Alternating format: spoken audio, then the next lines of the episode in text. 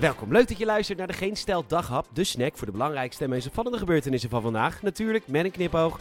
Met vandaag, we leveren spulletjes aan Oekraïne, weer een paar stadions kapot en de 33 vinkjes van Lewis Hamilton. Mijn naam is Peter Bouwman, dit is het nieuws van vrijdag 18 februari.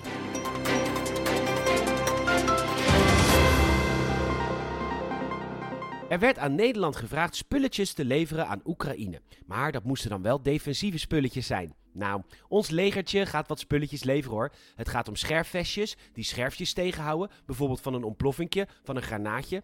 Helmpjes om de Oekraïense hoofdjes te beschermen. Radertjes om vijandelijke artillerietjes op te sporen. Metaaldetectortjes om mijntjes te vinden. Kogeltjes en snipergeweren. Damn, snipers! Bij de Telegraaf spelen ze heel veel Call of Duty en dus heten scherpschuttersgeweren gewoon snipers.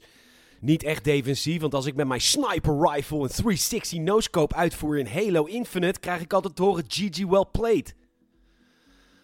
nou, volgens Wopke Hoekstra is het wel de bedoeling dat de scherpschuttersgeweren defensief gebruikt worden. En wedden dat de BOA-bond binnenkort een verzoek neerlegt voor sniper rifles in het basisuniform.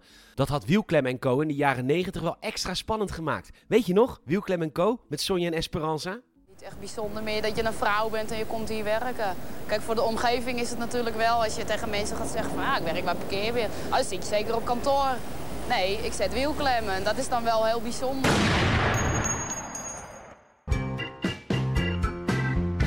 Wie zijn al die stadionbouwers? Oh ja, het waait in Nederland. Niet dat het wat uitmaakt, want wij zouden toch wel erg graag willen weten wie al die incompetente stadionbouwers zijn in Nederland en daarbuiten. In 2019 stortte het dak van het AZ-stadion zomaar in. Eind vorig jaar stortte een tribune van het NEC-stadion in. Of nee, sorry. Je nek ze hier, NEC ze hier. En vandaag staat er een windje en waaien de daken van het O2-stadion in Londen en het Oude Den Haag-stadion eraf.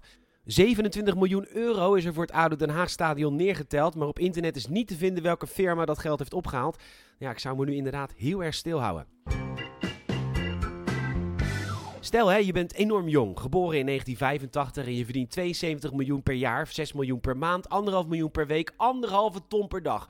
Je bent zeven keer wereldkampioen geworden. Hij heeft één tegenslag gehad vorig jaar, toen hij net geen wereldkampioen werd. En sindsdien is hij de Joris Luijendijk van de Formule 1. Alleen heeft Hamilton dan wel 33 vinkjes, maar toch al dat gejank en gehuil. Nou, nu is hij terug hoor, uit zo'n oh zo moeilijke periode van één keer niet wereldkampioen worden. Ik was het vertrouwen in het systeem even kwijt. Ach, gossie, gaat het, Lewis? We hopen dat je een goede psycholoog kunt betalen. En anders is er nog wel een praatgroep met gedupeerden van de toeslagenaffaire. De surcharges case. Kun je je verhalen delen over ongekend onrecht, unknown injustice.